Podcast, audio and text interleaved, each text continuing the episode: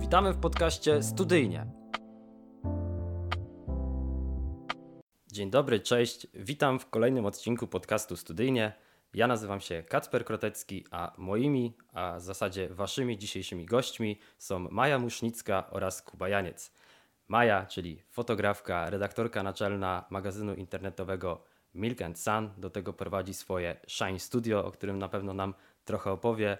Tworzy strategie marketingowe, prowadzi szkolenia, jest ogólnie freelancerką, a także pasjonatką roślin.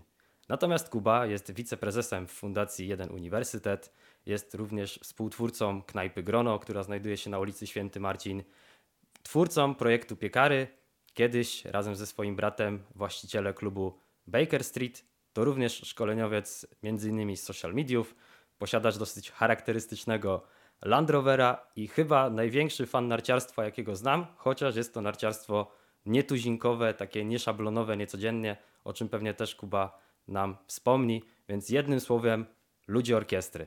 Cześć, dzień dobry. Hejka, dzień dobry. Cześć, witamy. E, rozpocznijmy naszą rozmowę trochę od wspomnień i od powrotu do studenckich czasów, tak jak już mamy e, to w zwyczaju w naszych podcastach i w naszych odcinkach. E, Maja, ty studiowałaś na Uniwersytecie Adama Mickiewicza, więc pierwsze pytanie idzie do ciebie. Dlaczego wybrałaś akurat tę uczelnię? Jakie były przesłanki? Co cię skłoniło do tego, że właśnie UAM?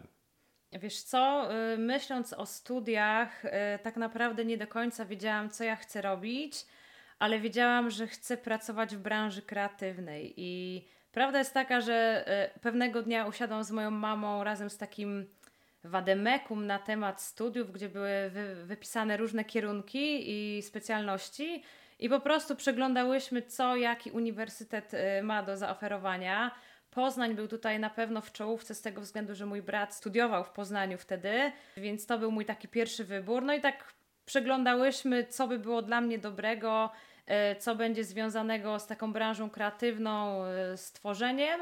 E, I jakoś tak zobaczyłyśmy, że jest taki kierunek, to był wtedy nowy kierunek, dziennikarstwo i komunikacja społeczna ze specjalnością y, reklama i promocja i, i, i to był ten wybór. Wręcz nawet pamiętam w tym Wademekum, w którym miejscu y, była jakby część o tym kierunku y, i mi naprawdę wtedy się zaświeciły oczy. Niemniej składałam też dokumenty na inne kierunki i, i tak trochę nie wiedziałam do końca, czy mi się uda na to dziennikarstwo dostać.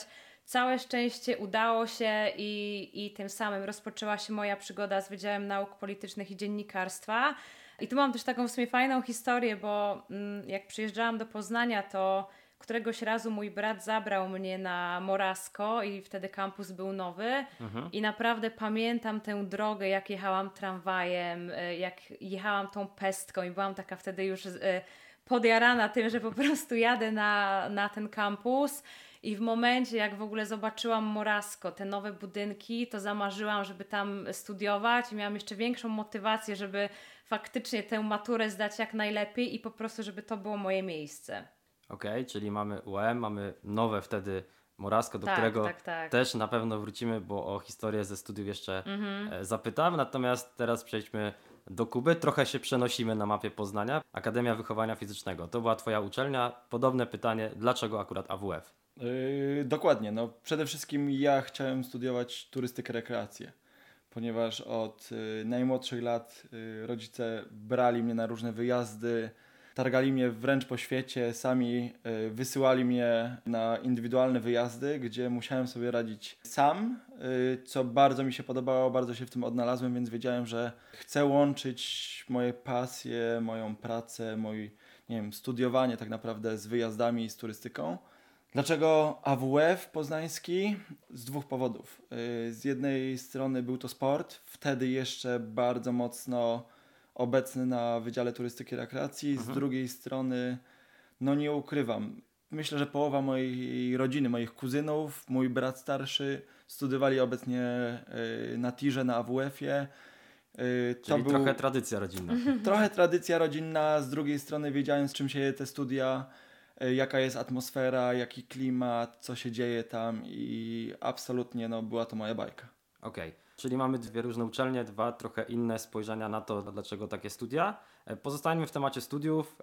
Opowiedzcie o swoich takich najciekawszych, najbardziej zwariowanych historiach ze studiów, które gdzieś tam zapadły Wam w pamięć i jesteście w stanie po latach, e, jak już zakończyliście studia, wrócić do nich właśnie pamięcią i pewnie z uśmiechem na ustach o nich wspominać? Ja myślę, że dla mnie taką w sumie może nie jedną historią, ale cały mój Erasmus to jest takie moje najlepsze przeżycie y, podczas tego studenckiego czasu i y, zawsze namawiam wszystkich studentów, żeby wybierali się na Erasmusa, bo okej, z jednej strony to są imprezy i w ogóle szalony świat, ale, ale z drugiej strony to jest takie po prostu możliwość otwarcia się na ludzi, otwarcia się na świat, możliwość poznania siebie, przełamywania swoich barier, uczenia się w innym języku. E, Ja zdecydowałam się pojechać do Niemiec, więc uczyłam się i po niemiecku, i po angielsku, więc po prostu miałam tam naprawdę e, zróżnicowane te mm, języki. I myślę, że po prostu cała ta przygoda, jakim był Erasmus, to po prostu jest coś, co najlepiej wspominam podczas tego czasu. E, fajne było też to, że mimo wszystko co jakiś czas przyjeżdżałam do Poznania na, na mój wydział, żeby jakieś tam przedmioty pozaliczać, więc miałam ten kontakt z tym, co się dzieje tutaj na, e, na moim wydziale, na moim kierunku, więc byłam na bieżąco i myślę, że po prostu to mi tak mega fajnie otworzyło oczy i otworzyło mnie na świat. A Erasmus był półroczny czy całoroczny? E, pojechałam na pół roku, ale po prostu z racji tego, że to był, był tak świetny czas, to. Zostałam na dłużej. Tak, e, przedłużyłam go o rok. Udało mi się jeszcze nawet e, otrzymać stypendium na, na ten drugi semestr. Także licencjat, mimo że się broniłam w Polsce, to, to pisałam w Niemczech. Także po prostu było bardzo dużo pracy, bardzo dużo nauki, ale był to też taki czas naprawdę bardzo istotny w moim życiu. Wielu z naszych słuchaczy to studenci, więc ja tutaj mm, razem z apelem Majki podkreślę o wyjazdach na Erasmusa. Serdecznie do tego zachęcamy, bo to naprawdę fajna przygoda, która ot- otwiera oczy podczas studiowania. Kuba, a jak w Twoim przypadku? No u mnie z pewnością okres Erasmusa też był świetnym okresem w ciągu studiowania. Ja wyjechałem z kolei do Finlandii. Mała uczelnia, a raczej filia tej uczelni pośrodku takich fińskich Mazur. Tylko, że te Mhm. Mazury są tam 20 razy większe niż nasze. Jezioro największe ma rozmiar wielkiej zatoki w Bałtyku tak naprawdę Okej. i po jeziorach nie, nie pływają tylko żaglówki, ale pływają wręcz tankowce, które przewożą czy to kontenery, czy paliwo i tak dalej, więc możecie sobie wyobrazić, że akademik się mieścił na jednej wyspie, a żeby dojść na mój uniwerek, musiałem pokonać trzy kolejne wyspy i pewno cztery mosty, z tego Okej. co pamiętam. Y, Do tego okres zimy, y, gdzie ja przy moich zimowych sportach, którymi po prostu, y, w których się spełniam i odnajduję, tam mogłem zaznać wszystkich najróżniejszych form aktywności fizycznej związanej z zimą. Mhm. Od nart biegowych, śladowych, łyż zwykłych, hokejowych, takich wyścigowych po jeziorach z kijkami. No po prostu cała masa. Narciarstwo zjazdowe też tam się pojawiało, jakieś saneczki. No niesamowity okres, na pewno Erasmus, ale ja muszę powiedzieć, że myśląc o najlepszych momentach moich studiów, to jednak to są studia w Poznaniu, bo, bo my, nasze studia w Poznaniu wyglądały trochę jak Erasmus. Mhm. My mieliśmy, myślę, że na pierwszym roku było nas prawie dwusetka i było to pięć grup studenckich. Na początek bez tak naprawdę podziału na specjalizacje, po prostu numerycznie. My się świetnie integrowaliśmy ze względu, że w ramach studiów mieliśmy mniej więcej co dwa miesiące jakieś wyjazdy. Czy Okej. to warsztaty weekendowe, czy na przykład z dwóch przedmiotów łączyliśmy te warsztaty i robił się wyjazd tygodniowy. Więc Mhm. y, każdy wyjazd był z inną grupą, czy to z dzienną, czy nawet zaoczną później. I no, w- spośród 200 osób myślę, że 200 znaliśmy po imieniu i nazwisku na, na roku. No to super. E, Po trzech latach no było nas tam trochę mniej, no 150, 140, później wybieraliśmy specjalizację, bo u nas była kwestia, że to były jednolite jeszcze studia. No i no niesamowity czas, ponieważ znasz wszystkich, masz przeogromną tak naprawdę sieć kontaktów. Studia na turystyce i rekreacji na AWF-ie wcale nie uczyły nas zawodu. To my się śmiejemy, że one nas wszystkich nauczyły życia. Okej. I trzy czwarte osób kończąc studia, mimo że na przykład nie pracowało w zawodach związanych z turystyką i tak dalej, ale zakładało swoje firmy, odnalazło się w biznesach, Mhm. w dużych biznesach, daleko zaszli i, i to jest niesamowite. E, Elastyczność, którą jakby uzyskaliśmy po tych studiach, ponieważ Przedmioty były od filozofii przez marketing po najróżniejsze tematy geograficzno-krajoznawcze. Mhm. Pozwoliło nam na szeroką gamę tak naprawdę zainteresowań i, i wiedzy zdobyć. To, to było świetne. Ja jeszcze tylko bym chciała tak dodać, że z mojej perspektywy widzę, że Kuba ma naprawdę dużo takich bardzo bliskich znajomych y, po studiach i te, i te znajomości są takie bardzo zażyłe, co też pokazuje, że faktycznie to jakby ten czas, który spędzali razem podczas studiów był naprawdę no, wiążący takie długoletnie znajomości, więc ja tak z perspektywy osoby, która no może u mnie na roku czegoś takiego aż, aż tak nie było, więc, więc tak patrzę na Kuby rok, że naprawdę świetnie to po prostu u nich wyszło. Znaczy to jest na pewno świetne, co, co teraz oboje podkreśliliście, że no studia, mówi się o nich, że to jest ten najlepszy czas, czy najlepszy okres w życiu, między innymi właśnie dlatego, że buduje się takie relacje, które nie kończą się po trzecim czy piątym roku, jak się kończy studia, tylko trwają tak naprawdę, czy mogą trwać całe życie. No i to jest super pamiątka ze studiów, super historia ze studiów. I jeszcze kwestia tego, że ta sieć kontaktów, że my teraz bardzo często nawiązujemy współprace biznesowe z osobami, z którymi byliśmy na roku. Mhm. I to jest też takie mega naprawdę ciekawe, bo współpracować z kimś, kogo się, się zna od takich e, lat studenckich, naprawdę jest, no bardzo fajnie jest z kimś takim pracować i, i to się tak samo nakręca, bo po prostu się widzi, że ktoś robi coś i, i jakoś się te współprace nawiązuje. Jasne. No u nas, u nas nadal jest taki dryg do wspólnych wyjazdów. No ja myślę, że jeżeli przeliczę 5 lat studiów, no to, to z pół roku pewno byliśmy na wyjazdach na, na tych studiach. Jeżeli sumujemy obozy zimowe, letnie, Sławna, myślę na cały Poznań, jeżeli chodzi o, o studia na WF-ie Hicina, która Mhm. wtedy była trudnym wyjazdem sportowym.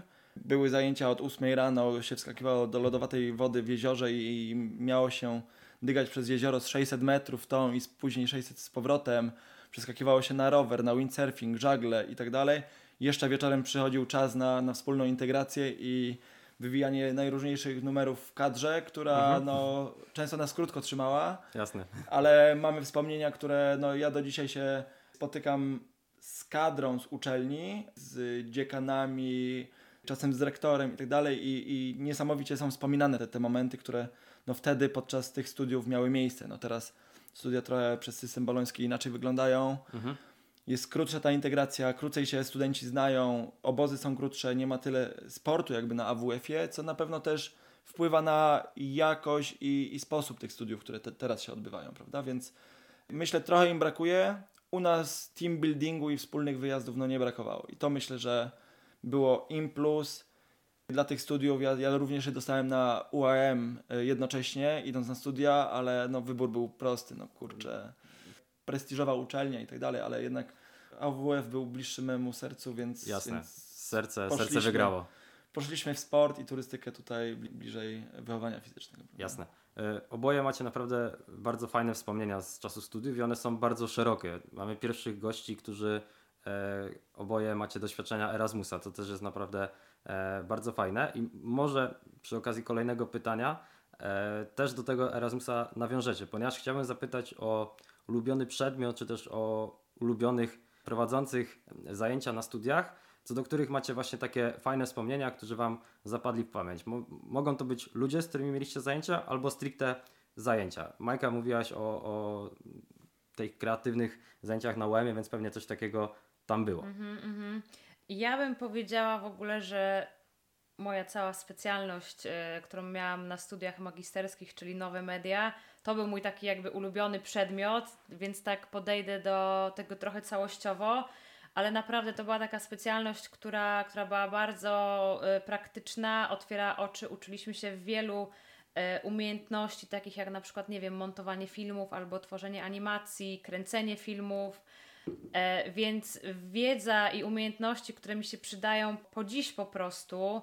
e, I, i, I to takie podejście, że okej, trochę poznajemy praktyki, e, trochę poznajemy wiedzy, ale przede wszystkim to jest praktyka. I tak też wygląda moja praca obecnie, że ja po prostu działam tak praktycznie i myślę, że to po prostu te, e, ta specjalność bardzo duży taki background dała mi do tego. Także ja bym powiedziała, że po prostu moja specjalność nowe media to była mój ulubiony przedmiot. Okej, okay. a Kuba, jak to u Ciebie wyglądało? No u mnie na pewno trzeba podzielić to na dwa działy, prawda? Bo ze względu, że studiowałem na AWF-ie, to mamy zajęcia sportowe, które co pół roku albo co roku się zmieniały, mhm. co semestr. No i później zajęcia tak naprawdę teoretyczno-praktyczne, więc jeżeli mówimy o sporcie, to, to myślę, że wszystkie roczniki wokół mojego pamiętają panią doktor Krystynę Garstkę, która na pierwszym roku przyjmuje studentów na przedmiocie gimnastyka. Mhm. No i pierwsze zajęcia, wszyscy śmieszki, hiszki, po prostu albo ma się baletki, albo w skarpetkach się ćwiczy. Druga pani grała na fortepianie, wybijała rytm nam. No okay. i biegi wokół sali, później rozciąganie, najróżniejsze pozycje, pozycje planków, których ja jeszcze wtedy nie znałem. No i wyobraźcie sobie, że po półtorej godziny po prostu wszyscy, po półtorej, po 45 minutach wszyscy już mają dosyć, leżą mhm. na ziemi. Po półtorej godziny y, z ledwością wyszliśmy z sali i przez pierwsze półtorej tygodnia, myślę, śmiało można było powiedzieć, że to jest pierwszego roku. Bo te osoby nie mogły wejść na wydział po schodach. Okay. Po prostu wszyscy okrakiem wchodzili. Takie zakwasy, jakich później przez całe, myślę, życie studenckie nie było. I myślę, że to była największa, największy wycisk na, na studiach na dzień dobry. No pewno bywały później sporty również wymagające, ale yy, no, nasza kondycja fizyczna już ale się to było polepszyła. takie zdarzenie trochę. To było zdarzenie po prostu, wiecie, po najdłuższych wakacjach w życiu, po, mhm. po zdanej maturze, cztery miesiące w zasadzie nic nie robienia, opalanie się te sprawy i nagle wycisk. Tak jakbyśmy y, teraz nic nie robiąc poszli na, na crossfit i dostali jeden z trudniejszych workoutów do zrobienia. Mhm. No myślę, że podobne zakwasy bym miał. Y, no i druga część, no to, to pewno y, te, te przedmioty dla mnie związane z geografią, z krajoznawstwem, no to przemiło i przesympatycznie wspominam doktora Styperka, doktora Nowickiego i y, Florka. No, niesamowici pedagodzy, którzy z pasją potrafili też przekazywać swoją wiedzę i mimo, że tematy nie były często łatwe i kolokwia napotykały na, na duży opór z mojej strony, jeżeli chodzi o uczenie, o zaglądanie do książek, no to, mhm. to, to, ich sposób przekazywania wiedzy był idealny dla mnie, prawda? Okay. E, to jest też super, bo zarówno e, ty, Kuba, no, miałeś stricte gdzieś tam te zajęcia czy studia tak naprawdę praktyczne, ale u Mai też e, kwestie właśnie kreatywności, reklamy i tak dalej pokazują, że to były studia praktyczne. To jest fajne doświadczenie, że nie tylko Wam wpajano teorię do, do głowy, mówiąc tak kolokwialnie, ale że faktycznie mieliście okazję zmierzyć czy zderzyć się z tym, co tak naprawdę na tych studiach Wam przekazywano. Tak, ja nawet dodam, że ja miałam taki przedmiot jak programowanie, gdzie no, nikt idąc na dziennikarstwo by nie pomyślał, że będzie miał programowanie i naprawdę to było takie no ciężkie, ciężkie, bo jednak e, umysły humanistyczne nie do końca e, mogły od razu pojąć e, różne kwestie związane z jakimiś algorytmami i tak dalej, ale wszystko udało się ogarnąć. Także no, to, to szerokie spektrum było świetnym wprowadzeniem do tego, co my chcemy robić dalej. Też dzięki temu, że my każdego przedmiotu mieli, mieliśmy po pół roku, więc to nie było tak, że się nauczyliśmy jakoś świetnie, nie wiem, montować filmy, ale po prostu zobaczyliśmy, czy to jest nasza bajka, czy nie. I, I myślę, że to po prostu była taka świetna nauka, żeby po prostu później po studiach wyjść i wiedzieć, w którym kierunku mniej więcej chcemy zmierzać. Jasne. E, dziękuję Wam za te, za te wspomnienia i za te historie ze studiów. Wyjdźmy na chwilę z uczelni, wyjdźmy na chwilę z okresu studiowania i przejdźmy tak naprawdę do klu naszej rozmowy, do tego, o czym chciałbym dzisiaj z Wami porozmawiać i o czym Wy też na pewno z chęcią się e, ze mną i z naszymi słuchaczami podzielicie, czyli o pasji. Bo jak ja Was znam, tutaj muszę zdradzić naszym słuchaczom, że zarówno z Kubą, jak i z Mają e, nie spotykamy się dzisiaj po raz pierwszy, więc znamy się już od jakiegoś czasu, to Wy jesteście osobami, które śmiało można zdefiniować jako zarówno osoby indywidualnie, ale też jako parę, która czerpie z pasji i tą pasją żyje. Tak naprawdę łapiecie każdą chwilę, która Wam się w życiu pojawia i staracie się z niej wycisnąć maksa dla siebie. Więc zacznę od takiego pytania. Czym dla Was jest pasja? Co przez to rozumiecie? I czy Waszym zdaniem, zakładam, że odpowiedź będzie brzmiała nie, ale czy można według Was żyć bez pasji? Tak, uważamy, że nie można żyć bez pasji. To mamy, odhaczone. To na pewno. To, to... E, czym jest pasja? No, mm, ja w ostatnim czasie tak e, jakby nie lubię definiować siebie, bo zajmuję się tak wieloma rzeczami, że ciężko mi jest się zdefiniować, ale ostatnio taką trochę powiedzmy definicję siebie wymyśliłam, że jestem e, kobietą wielu pasji, z czego wiele z tych pasji zamieniłam w swoją pracę. I to jest właśnie dla mnie chyba takie, mm, taka może najlepsza definicja tego, czym jest dla mnie pasja, chociaż nie wiem, czy najlepsza, bo nie, nie dla każdego praca jest pasją, a ja mam po prostu takie szczęście w życiu, że te rzeczy, które robię na co dzień i które, e, które gdzieś tam od dziecka były dla mnie taką pasją i czymś, co, co po prostu było jakimś takim moim, moją możliwością uzewnętrznienia się, nagle się okazało, że ja, ja się mogę w tym realizować ja po prostu dzięki temu mogę zarabiać pieniądze. Ale oczywiście mam też pasje, które nie są monetyzowane, więc niekoniecznie to musi się tak y, z tym wiązać, ale na pewno pasja daje takiego powera i pasja jest dla mnie czymś, co, co mnie nakręca i dzięki czemu myślę, mam po prostu chęci i siłę wstawać i, i działać każdego dnia. No, ja z kolei myślę, że krótko, tak właśnie teraz mi się pojawiło w głowie. Dla mnie pasja jest celem w życiu, mhm. a jednocześnie sposobem na życie.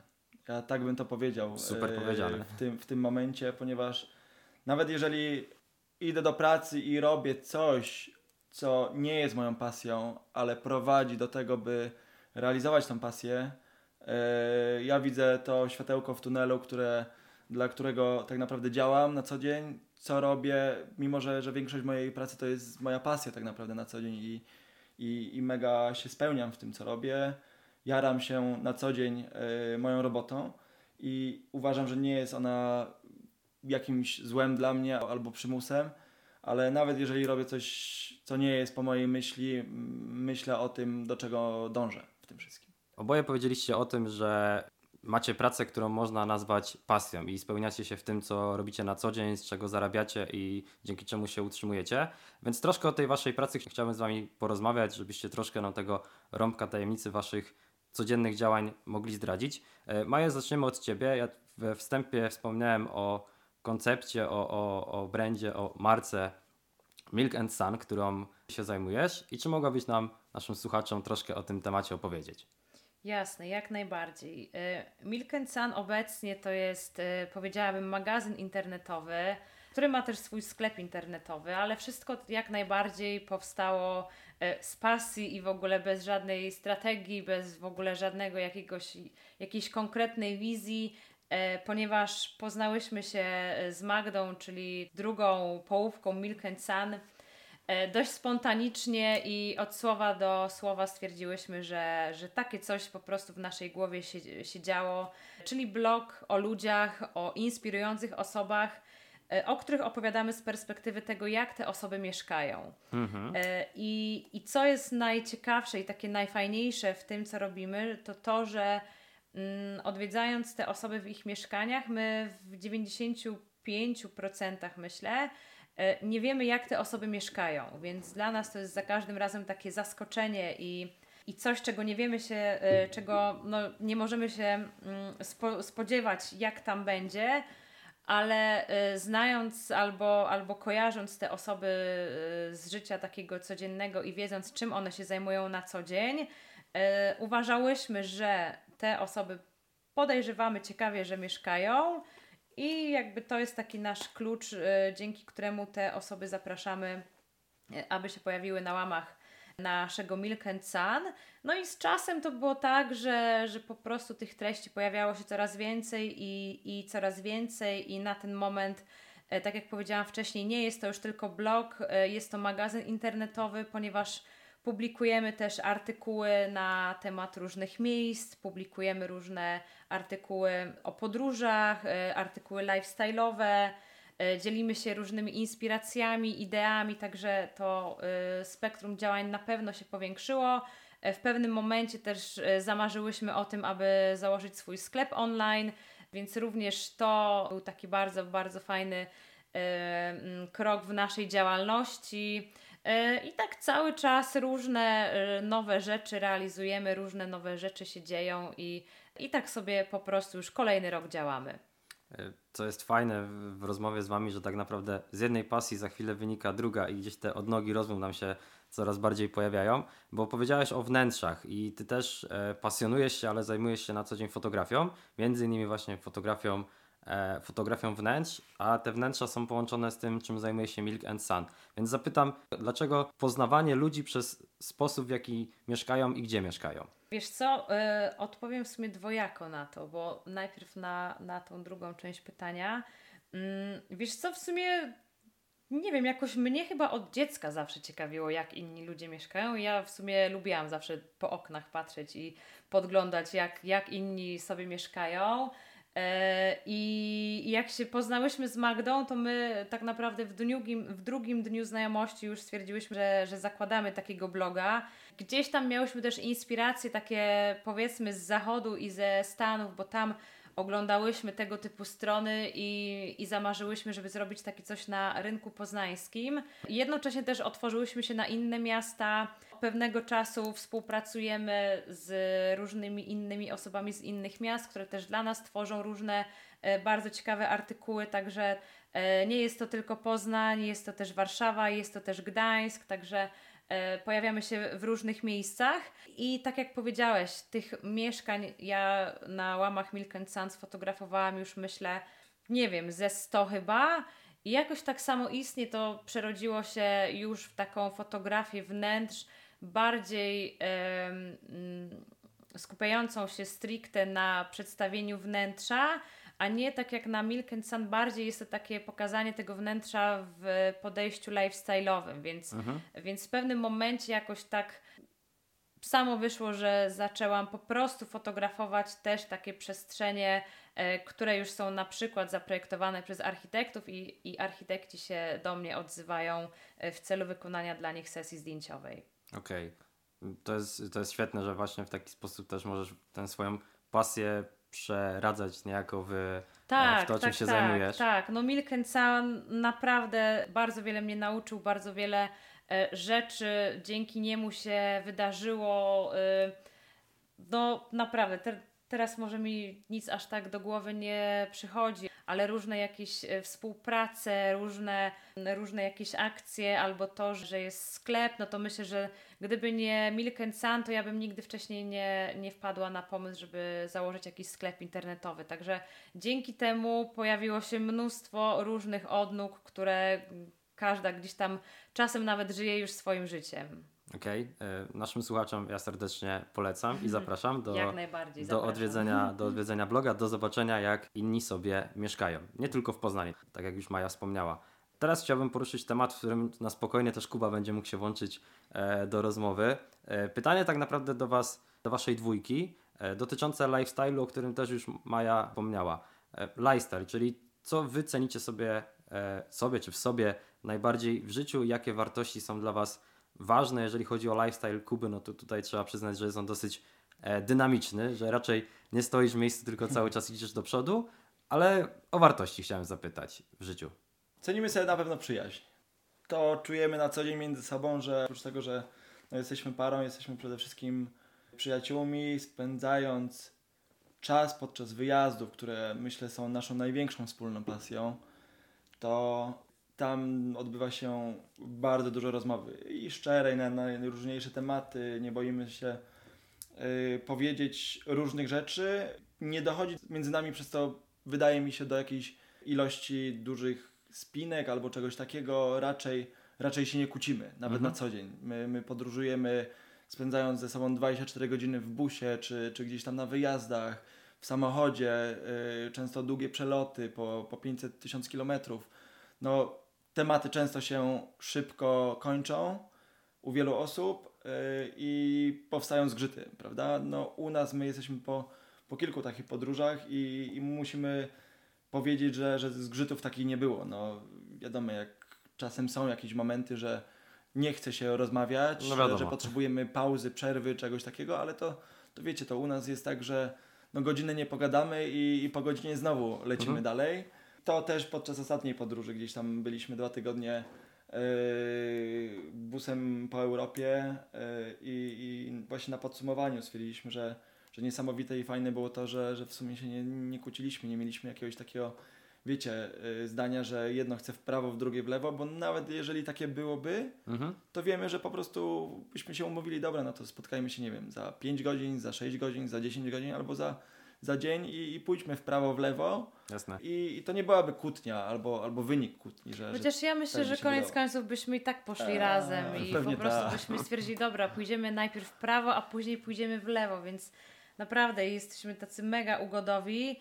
Ale jeszcze o tym, co, co Kuba mówił, to wydaje mi się, że dla nas taką mega wartością i w sumie jakby w, w relacjach, w naszej relacji i w relacjach z innymi ludźmi i w tym jakby co, co tworzymy, jak pracujemy, to jest autentyczność, bo to jest coś takiego, co jak dla nas, nie wiem, tworzymy coś albo no, gdziekolwiek nie ma autentyczności, to my po prostu nie chcemy w to wchodzić, więc to jest taka naprawdę, wydaje mi się, taka, taki trochę może fundament dla nas i też właśnie dzięki temu no to wszystko się wiąże, bo ta autentyczność powoduje, że my ze sobą bardzo dużo rozmawiamy, przez to jakby wszystko wiemy, co u nas słychać. Jak któryś z nas y, coś chce powiedzieć, to po prostu to mówi i przez to po prostu nie ma żadnych spin, a jednocześnie, no mówię, ja na, nawet y, w fotografii stawiam właśnie, żeby to, jak na przykład zajmuję się y, fotografią lifestyle'ową, żeby to były takie bardziej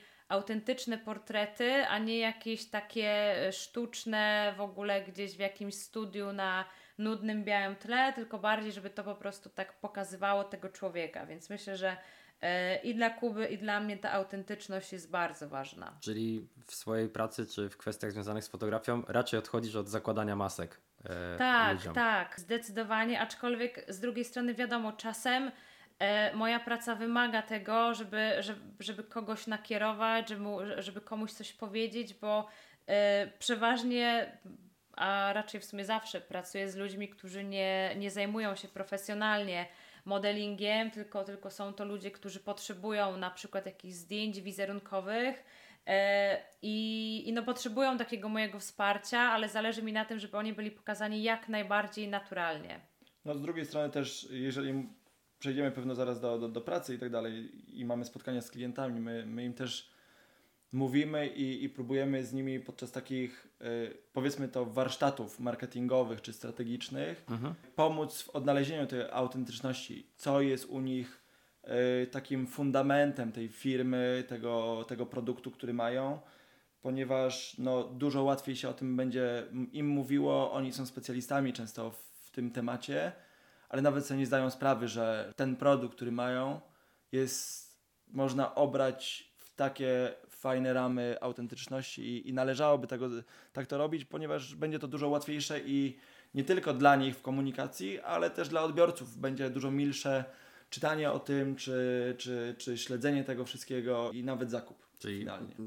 de facto pokazujecie waszym klientom, w jaki sposób sprawić, że coś jest wyjątkowe i niejako też pozwala na wyróżnienie się na, na tle innych, no bo to też jest ważne obecnie na rynku, żeby pokazywać, że nie jest się przeciętnym, ale że faktycznie dąży się do jakiejś wyjątkowości.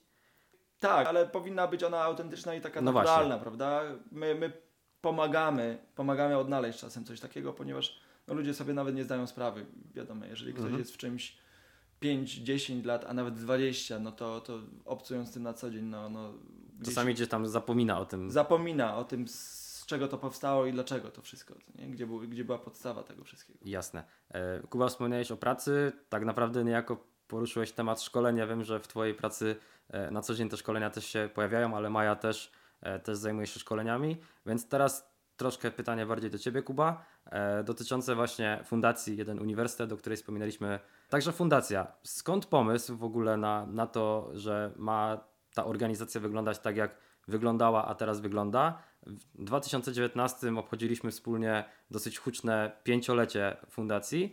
Jak Twoim zdaniem fundacja, patrząc z Twojej perspektywy jako osoby, która zakładała tę fundację, jest z nią blisko związana, zmieniała się na przestrzeni lat? No było, było dużo, dużo tych zmian myślę, ponieważ no, jesteśmy tam w czwórkę, jeżeli chodzi o osoby zarządzające tą organizacją. Yy, pracuje dużo więcej osób. Yy, do tego setki yy, wolontariuszy, którzy co roku się angażowali, a na przestrzeni ostatnich siedmiu lat y, są to tysiące osób, więc każda miała jakiś tam wpływ na nas. Y, obserwowaliśmy, lubimy słuchać, rozmawiać. Y, jesteśmy zawsze blisko tych eventów i, i tego wszystkiego, co, co, co robiliśmy. No. Myślę, że patrząc z perspektywy teraz tu, gdzie siedzimy, no to największa zmiana y, jakby nastąpiła przez koronawirusa. Mhm. No, mimo, że no, nikt się nie spodziewał, my, my już działaliśmy mm, nad rozwojem kilku gałęzi działalności fundacji, ponieważ no, fundacja no, Uniwersytet to nie były tylko eventy, to myślę, że produkty najbardziej jakby yy, rozpoznawalne przez studentów, yy, przy których działaliśmy, które współtworzyliśmy i, i pomagaliśmy współtworzyć też tutaj przy Uniwersytecie Ekonomicznym w Poznaniu. Yy, to są eventy, to są yy, adapciaki, to są kampusy, to są obozy zerowe i tak dalej, i tak dalej. To Mhm. Myślę, że dla studentów one są najbardziej rozpoznawalne i najbardziej atrakcyjne ze względu, że no się wyjeżdża albo się zostaje w mieście i, i trochę tego fanu i imprezy Integracji, jest, integracji. No my przez ostatnie półtorej roku w zasadzie musieliśmy wyłączyć te wszystkie wyjazdy, eventy, juwenalia i tak dalej. Tego nie ma w naszym życiu. My strasznie tęsknimy. Mhm. Łezka się w oku kręci, ponieważ no, jesteśmy osobami bardzo aktywnymi i związanymi z tymi rzeczami, więc y, ciągle się zastanawiamy, jak będzie wyglądał świat 2.0 po pandemii, kiedy te eventy wiosenne będą mogły się odpalić. Nie wiemy, czy to będzie w przyszłym roku, ponieważ no, mamy doświadczenie z tego, że ta pandemia nie skończyła się tak szybko, jak, Jak zakładaliśmy. jak zakładaliśmy, jak było w zeszłym roku Mhm. po prostu trwała i obostrzenia były do późnego czerwca tak naprawdę, prawda? Więc zaplanować cokolwiek, co miałoby się odbyć w maju jest niesamowicie trudne, a musimy to już planować na powiedzmy na przestrzeni października, listopada No tak. najpóźniej, prawda? Bo sam Kacper wiesz, że, że w październiku już zaczynaliśmy pracę nad eventami, które są w maju. Dokładnie tak. Niesamowicie trudne, teraz podjąć decyzję październiku czy w maju coś odpalimy, prawda? No, ale myślimy, że jeżeli przyjdzie do nas świat 2.0 otwarty na takie inicjatywy, my będziemy gotowi i będziemy wiedzieć, w którym kierunku pójść i, i będziemy gotowi wrócić do, do tych działań ze studentami w największym wymiarze, jak to będzie możliwe. Fundacja od półtorej roku na pewno przede wszystkim kieruje swoje działania na projekty unijne, czyli na projekty międzynarodowe, które też nie są łatwe do realizacji przy zamkniętych granicach, przy obostrzeniach itd. Część z nich musieliśmy przerzucić na online. Te projekty trwają, to są też projekty w ramach Erasmus+, projekty, które zrzeszają często kilka krajów jednocześnie i, i wypracowujemy najróżniejsze yy, wspólne pomysły, które sprawdzamy, jak działają w różnych krajach i, i, i wyciągamy z tego wnioski, albo wdrażamy pomysły, które w innych krajach są już wdrożone i doskonale się tam sprawdzają. Próbujemy wdrożyć u nas na poznańskim albo ogólnopolskim rynku, prawda? I, i sprawdzamy, czy wśród młodzieży, wśród osób nawet dorosłych coś takiego ma sens.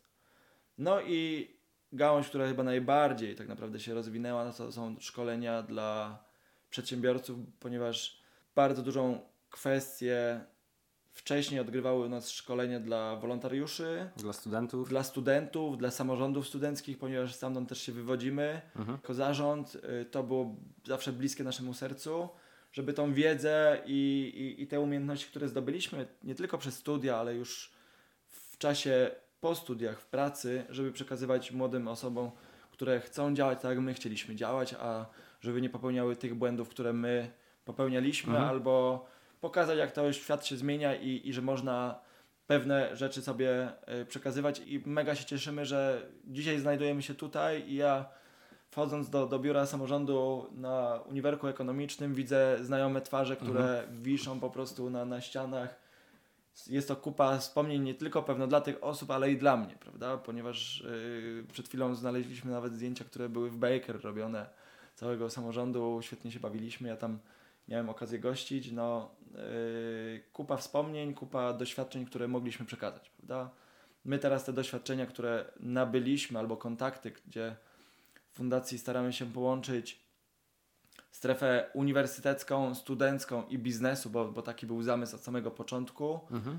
Na różnych płaszczyznach to łączyliśmy wcześniej, no teraz najbardziej na płaszczyźnie szkoleniowej nam to wychodzi. Wielu przedsiębiorcom czy firmom podsuwamy szkoleniowców z płaszczyzny uniwersyteckiej, specjalistów, którzy wykładają na, na uniwerkach, ponieważ mamy mm, niesamowite dojście, bliskość z tymi uniwersytetami i, i współpracę, ale również już wdrażamy też studentów, absolwentów, y, którzy, których znamy z poprzednich lat i, i wdrażamy ich w najróżniejsze projekty, gdzie oni również zostają szkoleniowcami i przekazują tą wiedzę młodszym pokoleniom i y, świeżo upieczonym studentom tak naprawdę w, na tych obozach zerowych, adaptacyjnych i tak dalej, i tak dalej, prawda? I, i tam pokazujemy, że no, są starsi koledzy, którzy mają niesamowitą wiedzę, to nie my, y, dużo starsi koledzy powinniśmy ją przekazywać, a, a to pokolenie, no powiedzmy, o dekadę młodsze.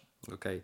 Ogólnie trzeba Wam pogratulować jako fundacji tego, że faktycznie pomimo pandemii i, i tego, że jedną z tych ważniejszych gałęzi, tak jak, tak jak sam wspomniałeś Waszej działalności, były jednak eventy, które mocno trzeba było ograniczyć, czy wręcz z nich zrezygnować e, z powodu koronawirusa, no to Wam udało się tak naprawdę dobrą strategią przejść niejako suchą stopą mie- przez te czasy pandemiczne i, i w fajną stronę e, poszliście. E, Eventy jednak mocno się z, z fundacją gdzieś tam utożsamiają i podejrzewam, że studenci głównie, głównie fundacje z, e, z eventami kojarzą, między innymi właśnie z Juvenaliami czy z kampusem studenckim.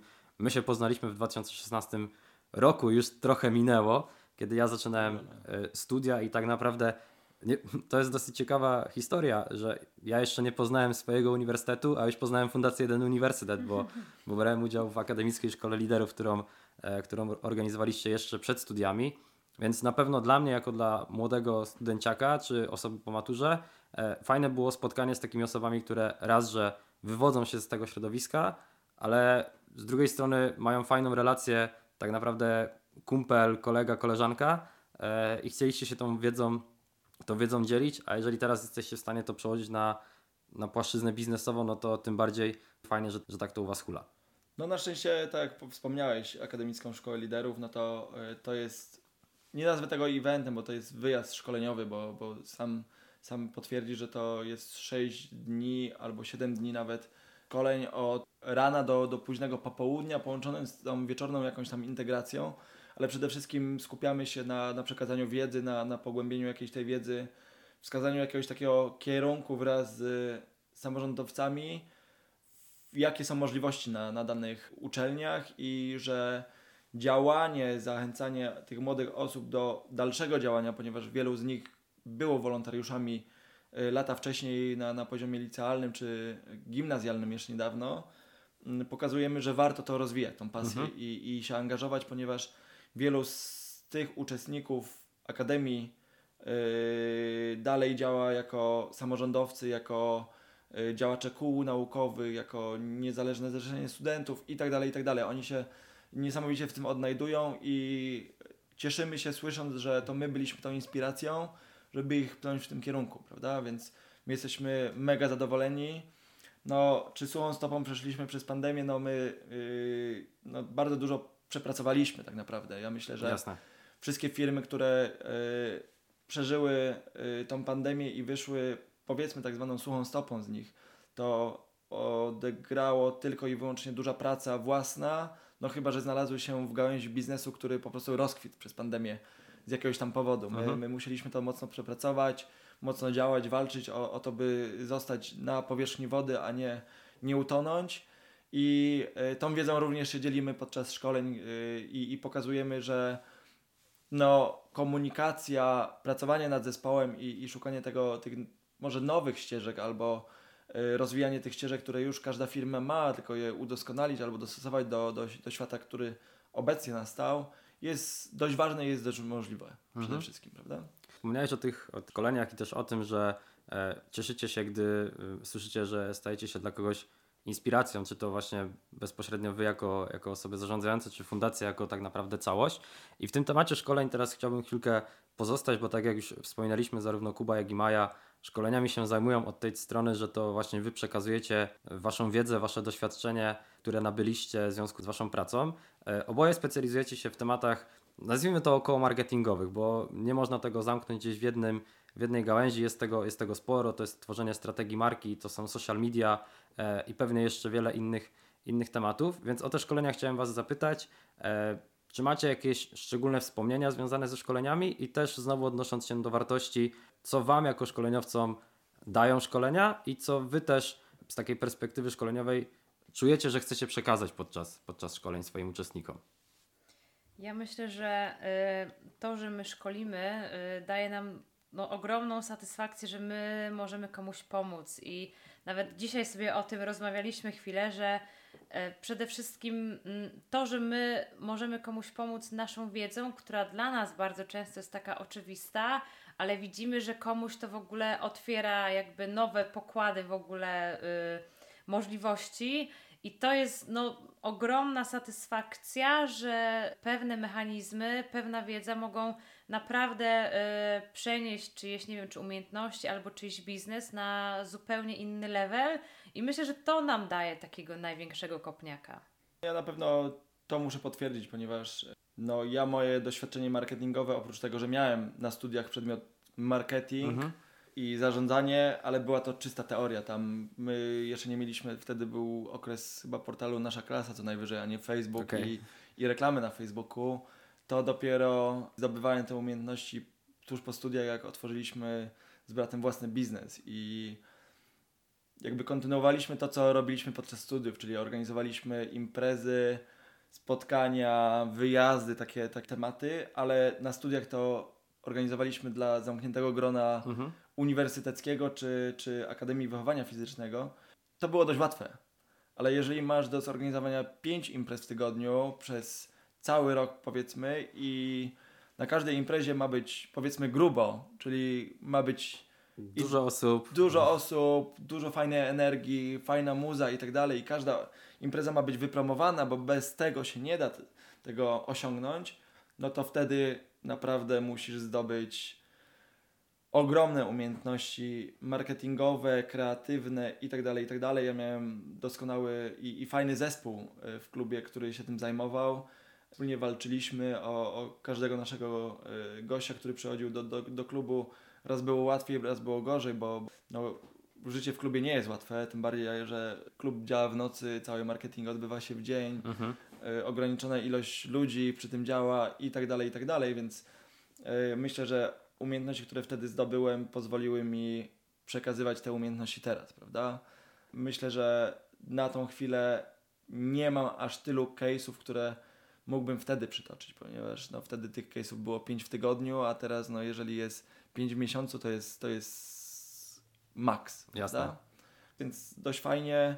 Wtedy rozwijały się wszystkie social media, to był y, początki tak naprawdę mocno działającego Facebooka, początki Instagrama, w którego ja na początku nie wierzyłem, a teraz wiem, że to jest jedno z mocniejszych mediów mhm. społecznościowych, które, które jest. Początki reklam na Facebooku, dużo bardziej skomplikowane machiny, które zaczęły działać, całe Facebooki i Instagramy, które są połączone, które tak naprawdę możemy z łatwością kliknąć jeden przycisk i wypromować coś, mhm. ale żeby to zrobić dobrze, należy wejść głębiej w to, dowiedzieć się coś, tak co tam jest i, i zobaczyć, jakie to jest skomplikowane tak naprawdę. A już nie, nie mówię o, o umiejętnościach, które mają inne osoby i zlecam najróżniejsze rzeczy dalej, typu AdWordsy, typu cała, całe kampanie Google'a i tak dalej, ponieważ no, marketing jest obecnie tak rozbudowany, sam marketing internetowy, że no, jedna osoba, a nawet zespół trzyosobowy to jest chyba za mało, żeby to ogarnąć, prawda? To, to muszą być często y, rzeczy, które przejmują agencje marketingowe, gdzie są duże machiny, prawda? Jasne. Znaczy na pewno jeżeli chce się zostać zauważonym w internecie, to To, to, to na pewno. Jest, jeżeli mamy ogromną markę, która ma działać na, na skalę y, ogólnopolską czy ogólnoeuropejską, do tego prowadzić sklep internetowy, sprzedaż, wszystkie y, remarketingi i tak dalej, no to, to jedna osoba nie jest tego w stanie zrobić, to trzy też nie, prawda? Mhm. To od pięciu w górę myślę, że, że, że trzeba celować. To ja mam teraz y, w sumie y, z kolei tak trochę z innej perspektywy spojrzę na to, odnośnie tego, co mówił Kuba, bo ja od pewnego czasu sobie obrałam taką drogę, że specjalizuję się w szkoleniach dla y, osób, które dopiero startują ze swoim biznesem. I i to jest tak, że okej, okay, fajnie jest mieć 5 osób, które nam zrobią marketing, fajnie jest mieć budżet tam, nie wiem, 50 tysięcy albo 100 tysięcy na marketing, ale no jednak niewiele jest osób, które zaczynają swoją firmę yy, i, i po prostu mają taką kasę. E, dlatego ja e, po prostu jakby w pewnym momencie poczułam taką misję, że chcę takim osobom pomóc i chcę im pokazać, jak one mogą samodzielnie swój marketing prowadzić na początku, jakie mogą robić rzeczy, bo naprawdę wiele jest osób, które mają świetne pomysły, yy, tworzą świetne biznesy, a po prostu nie mają tych umiejętności i nie mają tej wiedzy, jak mogą się wypromować, więc, więc ja po prostu czuję, tak jak powiedziałam przed chwilą, pewnego rodzaju misję, żeby tym osobom pomóc i nakierować się, jak one mogą robić to samodzielnie. E, I kto wie, może po jakimś czasie, jak e, ten swój biznes tak rozkręcą, będą już mogły zatrudnić albo agencję marketingową, albo jakiegoś freelancera, który będzie im to dalej prowadził, ale na początku, żeby po prostu dobrze zaczęły, bo niestety jest też tak często, że e, wiele osób myśli, że media społecznościowe są bardzo proste i to każdy może robić, i wiele osób podejmuje się i robi to samodzielnie Niestety często to nie przynosi zadowalających skutków, albo wręcz przynosi odwrotny, odwrotny efekt tego, dlatego mi też zależy na, na takiej edukacji, żeby naprawdę podejść do tego tak sumiennie i, i, i, i mieć świadomość, że to może nam naprawdę przynieść e, wielu klientów. No dokładnie, no. Musimy powiedzieć, że media społecznościowe otworzyły nam nowe drzwi w marketingu mhm. i, i my chcemy to, tą wiedzę przekazywać.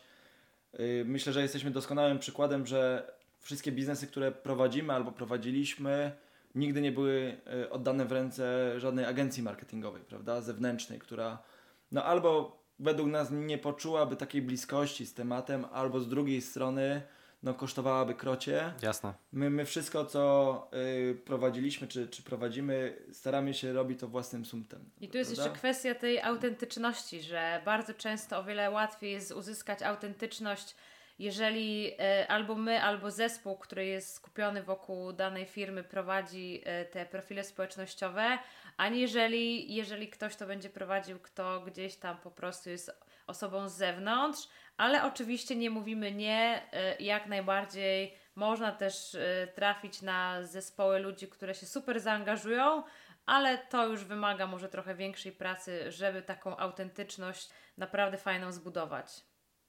No, na tym też polega taki dobry marketing, o czym Wy wspominacie, żeby faktycznie pomimo budowania pewnych kampanii i, i tak prostych rzeczy jak posty na Instagramie czy na Facebooku, to żeby tę autentyczność zachować i to też jest fajne, że pojawia się to przy temacie szkoleń. Ty Maja o tym wspomniałaś, że traktujecie to jako edukację, traktujecie to jako możliwość pomocy innym i właśnie pomimo tego e, należy tę autentyczność e, zachowywać. To jest bardzo, bardzo, fajne, bardzo fajna puenta tak naprawdę tematu, tematu szkoleniowego. Mamy też coś nowego w Waszym przypadku, choć już, już trochę sobie działa, mianowicie Knajpa Grono. Temat można powiedzieć nowy, można powiedzieć w szczególności myślę, że choć może nie do końca dla Kuby kolejna branża, bo niejako, niejako połączona z tym, co działo się pewnie przy, przy okazji Baker Street. Działacie w niej tak naprawdę oboje, więc pytanie, co było wyzwaniem dla założenia knajpy Grono? Ja wiem, że pewnie jednym z wyzwań była pandemia koronawirusa, która pojawiła się nagle i pewnie część planów popsuła, e, ale co Was inspirowało do założenia knajpy jaka ta knajpa ma docelowo być? Knajpka jest owocem y, naszym przy zarządzie fundacji, bo zawsze y, czuliśmy bliskość z gastronomią. Jesteśmy y, wszyscy, myślę, tam podróżnikami, smakoszami i podczas naszych najróżniejszych wyjazdów, czy to studyjnych, czy, czy prywatnych, no, no to jedzenie odgrywa bardzo dużą rolę. Często zapominamy wtedy widać o budżecie i, jak na koniec posiłku przychodzi rachunek, no to pojawia się konsternacja i zdziwienie na twarzy. No ale, ale wiemy, wiemy y, skąd ona wynika, po prostu y, często nie potrafimy się opamiętać, no, bo, bo smaki po prostu w danych miejscach na świecie są niesamowite i niepowtarzalne mhm. i chcemy je poznać w zasadzie wszystkie, ale nie jesteśmy wszystkich w stanie poznać. I, i tutaj był owoc naszych wieloletnich y, rozmów, no, pojawił się mały lokalik na ulicy Święty Marcin, która była tuż po remoncie. Postanowiliśmy wystartować w konkursie miejskim na rewitalizację y, tej ulicy i, i tego lokalu. Mhm. No i wtedy przyszedł koronawirus. Pierwsze otwarcie odroczone, bo jest koronawirus. Miał remont bardzo szybko potrwać, yy, ponieważ miał on trwać jakieś półtorej do dwóch miesięcy i przed wakacjami z zeszłego roku miały się, Mhm. y, miało się grono otworzyć.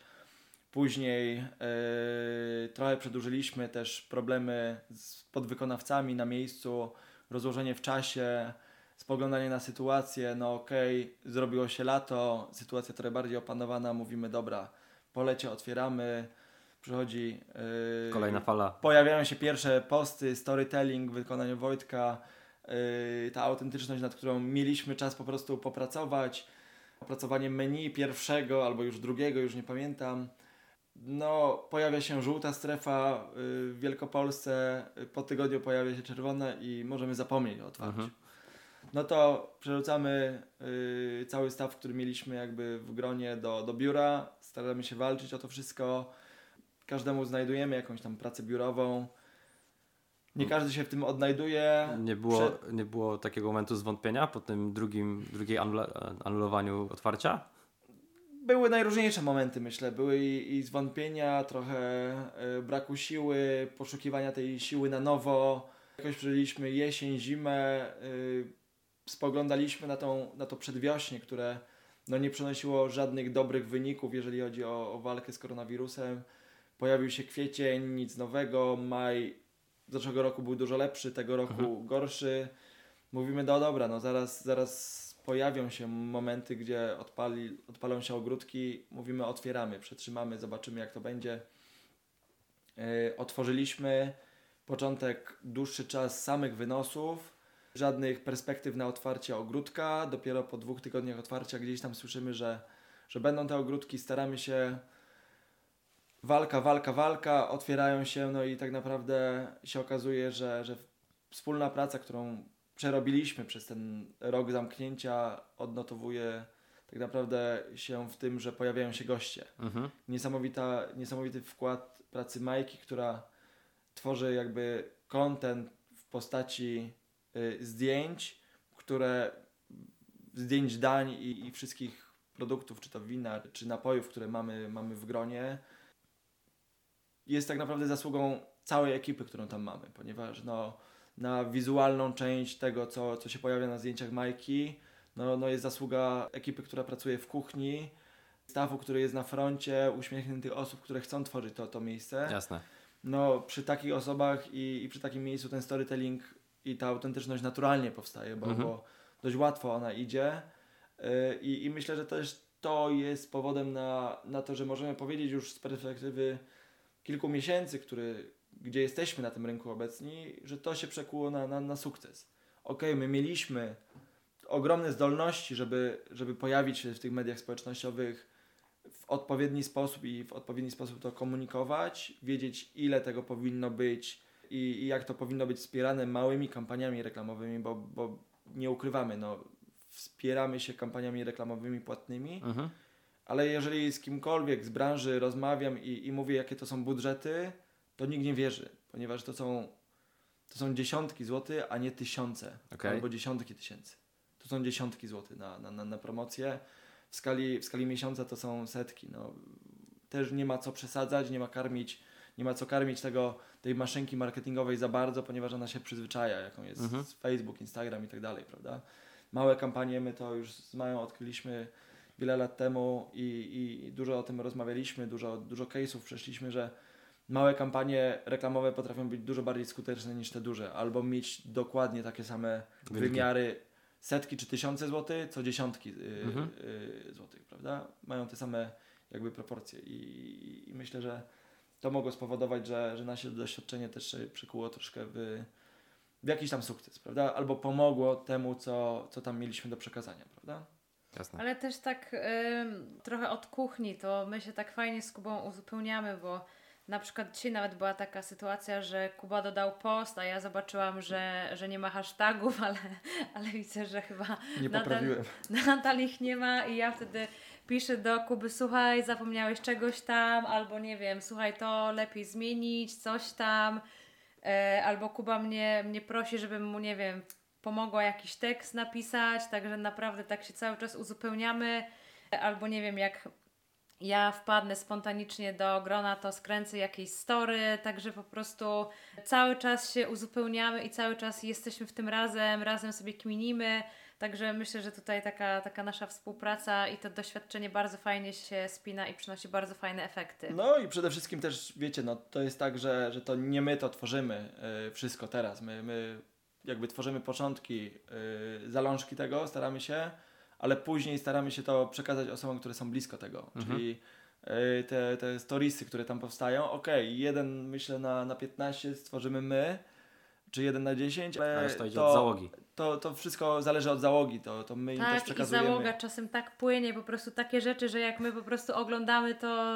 to jesteśmy mega podjarani tym, co oni robią, jakieś tam filmiki, jak deszcz leje, a Krzysiu kucharz pije wino i to po prostu e, hit był naprawdę internetu, więc naprawdę no, no to jest właśnie taka autentyczność, którą czuje zespół, którą czuje, czują wszyscy ludzie zaangażowani, także naprawdę mega fajnie to wychodzi. To jest fajne, co, co wspomnieliście, że znowu pojawia się temat, że się uzupełniacie, bo to jest gdzieś tam kolejna działka, branża, w której widać to wasze uzupełnienie i to waszą fajną współpracę i, i tą waszą fajną, fajną relację. Coś, czym grono też się charakteryzuje, bo powiedziałeś Kuba o tych kwestiach marketingowych. Ja myślę, że restauracja czy knajpa zawsze wybroni się dobrym jedzeniem i ludzie pewnie do was wracają też z tego powodu, że, że serwujecie po prostu dobre, dobre rzeczy. Ja sam miałem przyjemność wielu kosztować i faktycznie jest smakowicie, więc jak ktoś będzie na Świętym Marcinie, to oczywiście zapraszamy. E, No i fajne jest też to, że koncept grona, sama nazwa, tak, grona, czyli spotykania się w gronie przyjaciół, znajomych przy wspólnym stole. No i ten hashtag, który dziś pojawił się na samym początku, czyli łączy nas dzielenie. Jak powrócimy sobie do czasów e, no to hashtagiem, który nas łączył, było złączeni, ale nie spięci. E, Więc gdzieś tam to jest fajne, że w tych wielu działaniach, których, których podejmujecie, faktycznie pokazujecie to, że te relacje są mega ważne i że e, można spotkać się, nawet nie znając się, spotkać się przy wspólnym stole i przy lampce wina czy przy jakimś mm, dobrym jedzeniu znaleźć wspólny temat do rozmowy. No na pewno to, to, to yy, chcemy tam zaszczepić. No, powiedzmy, że okres koronawirusa i, i teraz ten okres, który jest, nie sprzyja aż tak, żeby obce osoby się dosiadały do siebie, yy, aczkolwiek z każdego, z tygodnia na tydzień widzimy, że, że to się poprawia, mamy coraz większe zaufanie do, do innych osób. Wiemy, że sytuacja obecnie jest na tyle, na tyle spokojna, że, że możemy sobie pozwolić na, na takie akcje, że, że wspólnie usiądziemy do stołu, Mhm. a przede wszystkim u nas jest ten koncept, że zamawiamy jedzenie wspólnie y, z przyjaciółmi na środek stołu i mamy się nim dzielić, prawda? Mhm. My też na wszystkich wyjazdach wyjadamy sobie y, z talerzy, ponieważ no, no wiecie, no w czym jest przyjemność, że zjemy tylko jedne smaki, będąc, nie wiem, we Włoszech albo będąc gdzieś tam w basenie Morza Śródziemnego, jeżeli tych smaków na, tych taler- na każdym talerzu jest po 100 albo po, po nie wiem, 10 i, i chcemy spróbować wszystkiego, prawda? No nie jesteśmy w stanie jako jedna osoba zamówić całego menu, Jasne. bo nie jesteśmy Magdą Gessler, która wchodzi i zamawia całe menu, no wiadome.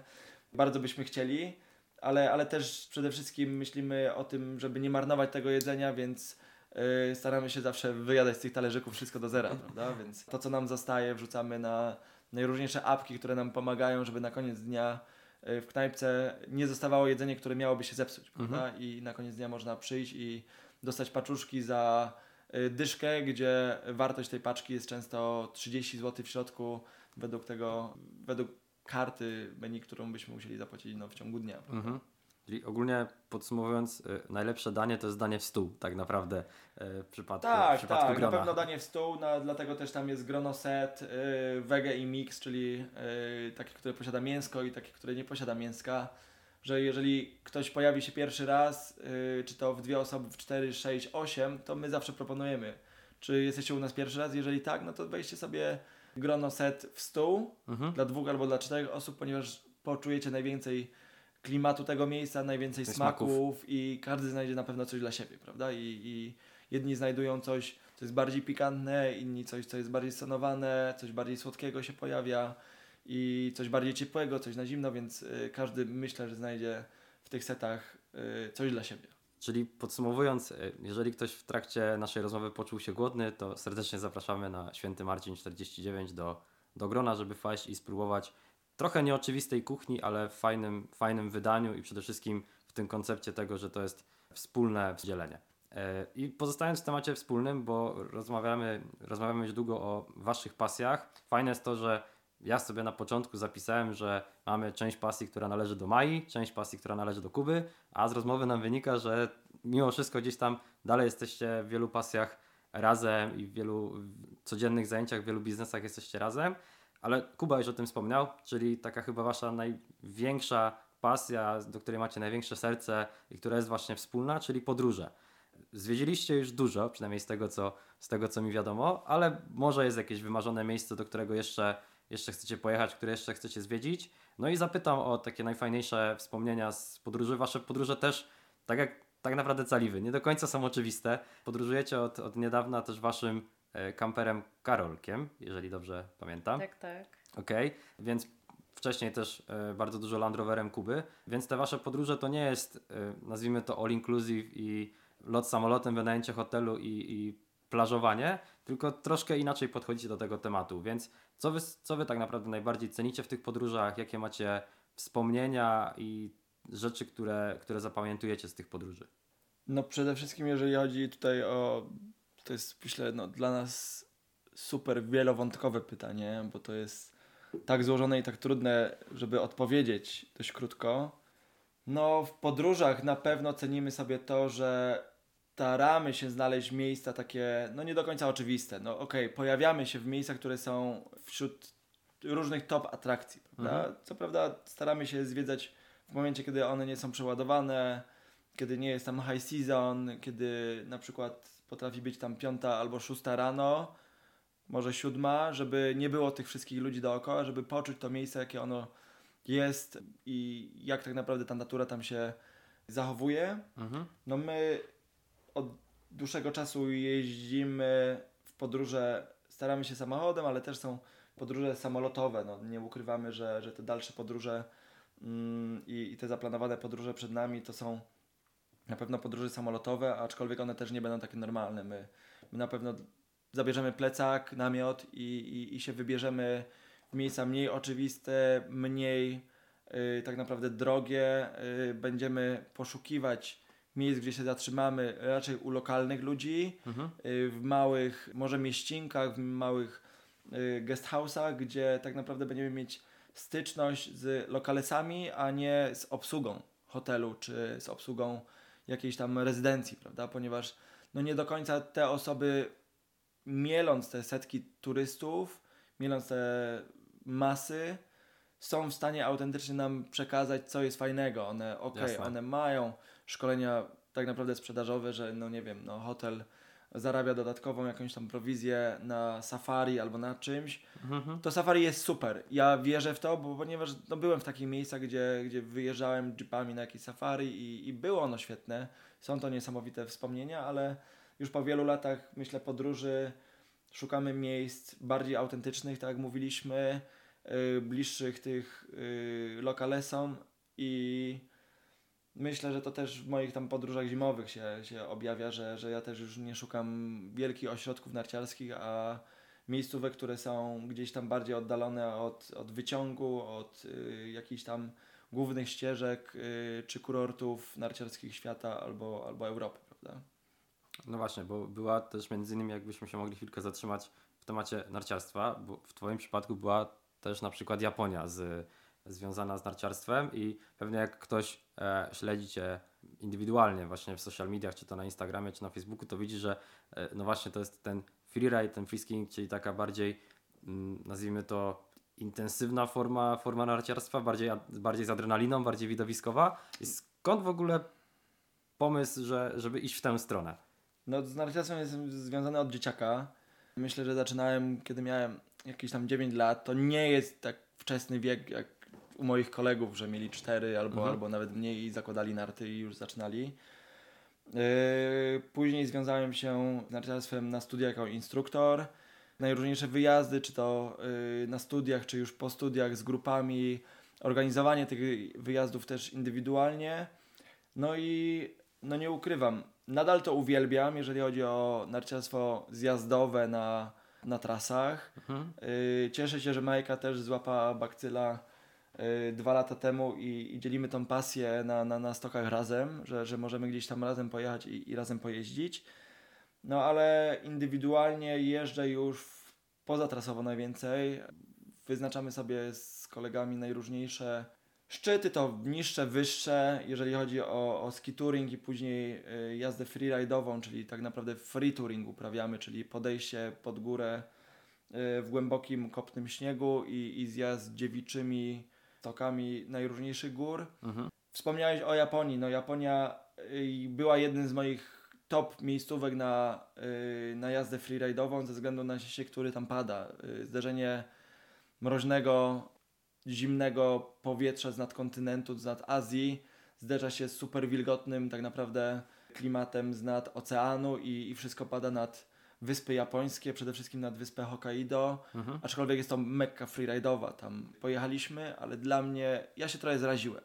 Mimo, że śnieg jest tam jeden z najlepszych na świecie pod względem freeride'u, ilość narciarzy freeride'owych, która tam się spotyka, jest tak ogromna, że po 15 minutach tam ja często powiem, że nie ma gdzie jeździć, prawda? Okej.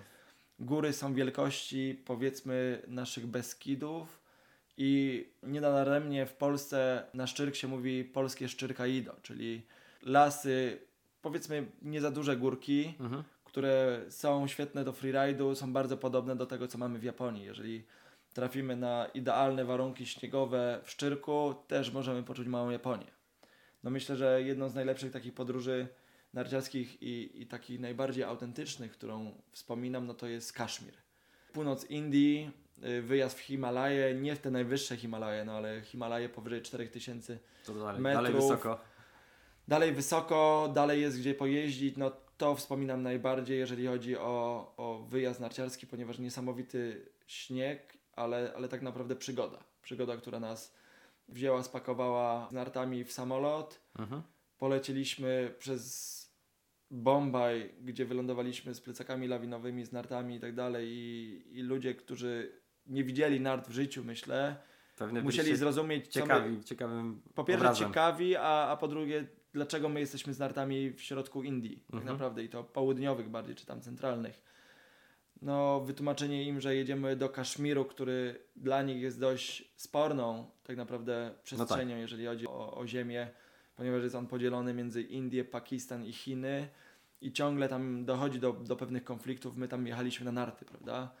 Świetna organizacja przez y, tak naprawdę moją koleżankę z ławki, ze studiów przez Natalię, która nam pomogła to zorganizować, ponieważ sama mieszkała w Indiach 8 lat i, i związała z Indiami swój biznes. Mhm. Małe biuro podróży, którą też odwiedzaliśmy kilka lat wcześniej z kolegą. Ona powiedziała, kurczę, pojadę tam, zorganizuję, dowiem się co i jak i po kilku latach mówi, przyjeżdżajcie, wszystko jest ogarnięte, wszystko, Super. wszystko zro- zrobię, będzie to, to, to super y, łatwe do ogarnięcia. A my mówimy, no kurczę, no dlaczego nie? Lecimy, czwórka chłopaków się zebrała z Poznania i, i, i polecieliśmy tak naprawdę na drugi koniec świata. No dobra, Japonia była drugim końcem świata, ale Ale nadal Yy, daleka nadal daleko i, i, i wysoko, y, dość dziko i, i myślę, że to wspominam najbardziej.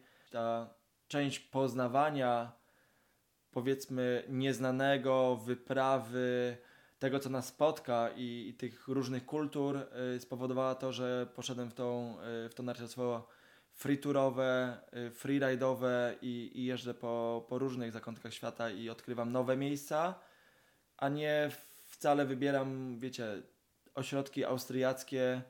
No teraz troszkę zimę spędziłem bliżej Szwajcarii, ponieważ była otwarta, Mhm. która jest, no tak naprawdę możliwości w Szwajcarii, w Austrii, we Francji mamy dużo, dużo więcej. Nie musimy jeździć na drugi koniec świata, by, by, by jeździć i, i, i poznawać te, te miejsca. Możemy tych miejsc odnaleźć tysiące w Alpach czy w Tatrach. Dużo trudniejszych zjazdów, dużo bardziej ekstremalnych, emocjonujących. Aczkolwiek no, ta Europa jest trochę taka oczywista w tych, w tych wyjazdach narciarskich. Dlatego my gdzieś tam szukamy tych wyjazdów do Azji, do może dalszych zakątków Ameryki Południowej, bo są takie plany, y, fiordy, Norwegia, no, no, no rzeczy i miejsca, gdzie nie pojawiamy się na co dzień i, i, i Jasne. wszyscy tam nie jeżdżą na nartach. Czyli zawsze, po prostu coś nieoczywistego, co, co też niejako cię cechuje, tak? W, przy, przy, w Tak, i przypadku łączy podróży. to z przygodą. I łączy- Przygoda jest najważniejsza w tym wszystkim. Myślę, że to narciarstwo jest dodatkiem. Po to, żeby tą przygodę y, zimą gdzieś y, osadzić i, i podążać dalej. Super. Znaczy, no, tak naprawdę nie tylko zimą, bo e, jak się obserwuje Twoje podróże przez e, cały rok, to gdzieś tam zawsze jest ta fajna fascynacja i to przede wszystkim, bo to narciarstwo jest widowiskowe i jak się gdzieś tam obserwuje Twoje relacje, stories z, z wypadów zimowych, no to faktycznie można zobaczyć coś naprawdę e, widowiskowego i ja czuję, że to dla Ciebie zawsze jest fajna, fajna przygoda i fajne spędzanie czasu. No przede wszystkim. Przede wszystkim w górach odnajduję ja taki spokój i, i oczyszczenie.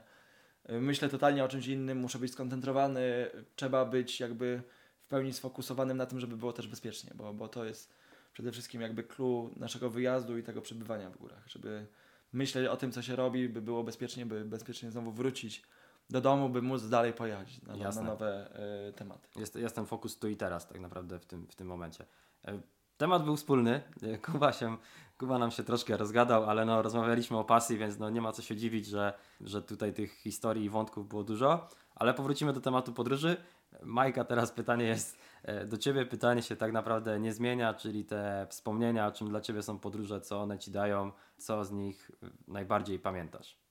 Ja bym powiedziała, że dla mnie w podróżach jest najfajniejsze w sumie to, że my z Kubą robimy to razem i że my odkrywamy te miejsca razem, bo no zobaczyliśmy wiele różnych pięknych miejsc i e, wiele takich, tak jak Kuba powiedział, albo takich topowych atrakcji, albo jakichś takich w ogóle praktycznie nie, nieznanych, ale często jest tak, że dla nas najważniejsze jest to, że załóżmy, nie wiem, rozbiliśmy namiot w jakimś miejscu nad jakimś jeziorem w Turcji, gdzie to było pośrodku niczego, rozbijaliśmy ten namiot po ciemku, wstajemy rano, a tam po prostu, tak jak powiedziałam wcześniej, piękne jezioro, góry i, i, i naprawdę jakiś taki niesamowity klimat, więc, więc ja myślę, że dla nas, no dla mnie, ale już wcześniej o tym ro- rozmawialiśmy, więc dla nas taką ogromną wartością tych podróży jest to, że my ten czas spędzamy razem, że my odkrywamy te miejsca razem. Dla mnie osobiście jest to też takie odkrywanie trochę może siebie i przełamywanie jakichś różnych barier, bo mm, nie będę ukrywać, że ja y, wcześniej nie byłam jakąś taką podróżniczką, która spała bardzo często pod namiotem i nie sądziłam, że na totalnym luzie będę w stanie spać pod namiotem, gdy na zewnątrz jest, nie wiem, 0 stopni, tak jak spaliśmy pod namiotem w Gruzji. A teraz to nie jest dla mnie absolutnie żaden, nie wiem, wyczyn, nie jest to. Żaden e, dyskomfort też. tak, tak, tak, ale no to dzięki temu, że po prostu jesteśmy zawsze bardzo dobrze przygotowani. Kuba zawsze no nie o zawsze, ale to. staramy nie, się być no i przygotowani. jesteśmy do, dobrze, moim zdaniem, przygotowani do różnych warunków i, i naprawdę często jakieś takie swoje, powiedzmy, e, obawy przełamuje. Tak samo jak byliśmy w Gruzji i, i też od początku wyjazdu była mowa o tym, że jak, jak będziemy w Gruzji, to koniecznie trzeba się będzie przelecieć w górach na paralotni, gdzie ja myślałam, Jezu, gdzie ja na paralotni Mhm. w ogóle będę lecieć. A jednak pod wpływem tej chwili i w ogóle tych widoków i emocji powiedziałam, dobra, lecę, bo po prostu będę pewnie później żałowała e, jeszcze przez e, całe życie tego i, i naprawdę to jest jedno z takich moich lepszych wspomnień, myślę w całym moim życiu, że, że po prostu w tej, w tej Gruzji się przeleciałam na paralotni, także, mm, także to nie są te, te takie jakby highlightowe mm, miejsca, one nie są dla nas najważniejsze, tylko te takie rzeczy, które się dzieją gdzieś tam pomiędzy, e, gdzieś tam, które wpływają na to w sumie, kim, kim jesteśmy i kim się stajemy. E, Fajne jest to, co teraz Majka podkreśliła, że tak naprawdę raz, że właśnie podróżujecie razem i to jest fajne w waszej e, ponownie pasji, ale że też nawzajem możecie się od siebie, od siebie uczyć, stawać się dzięki temu coraz bardziej e, odważnymi, no i też przez to pewnie z dużo większą przyjemnością poznawać te miejsca, do których, do których się wybieracie.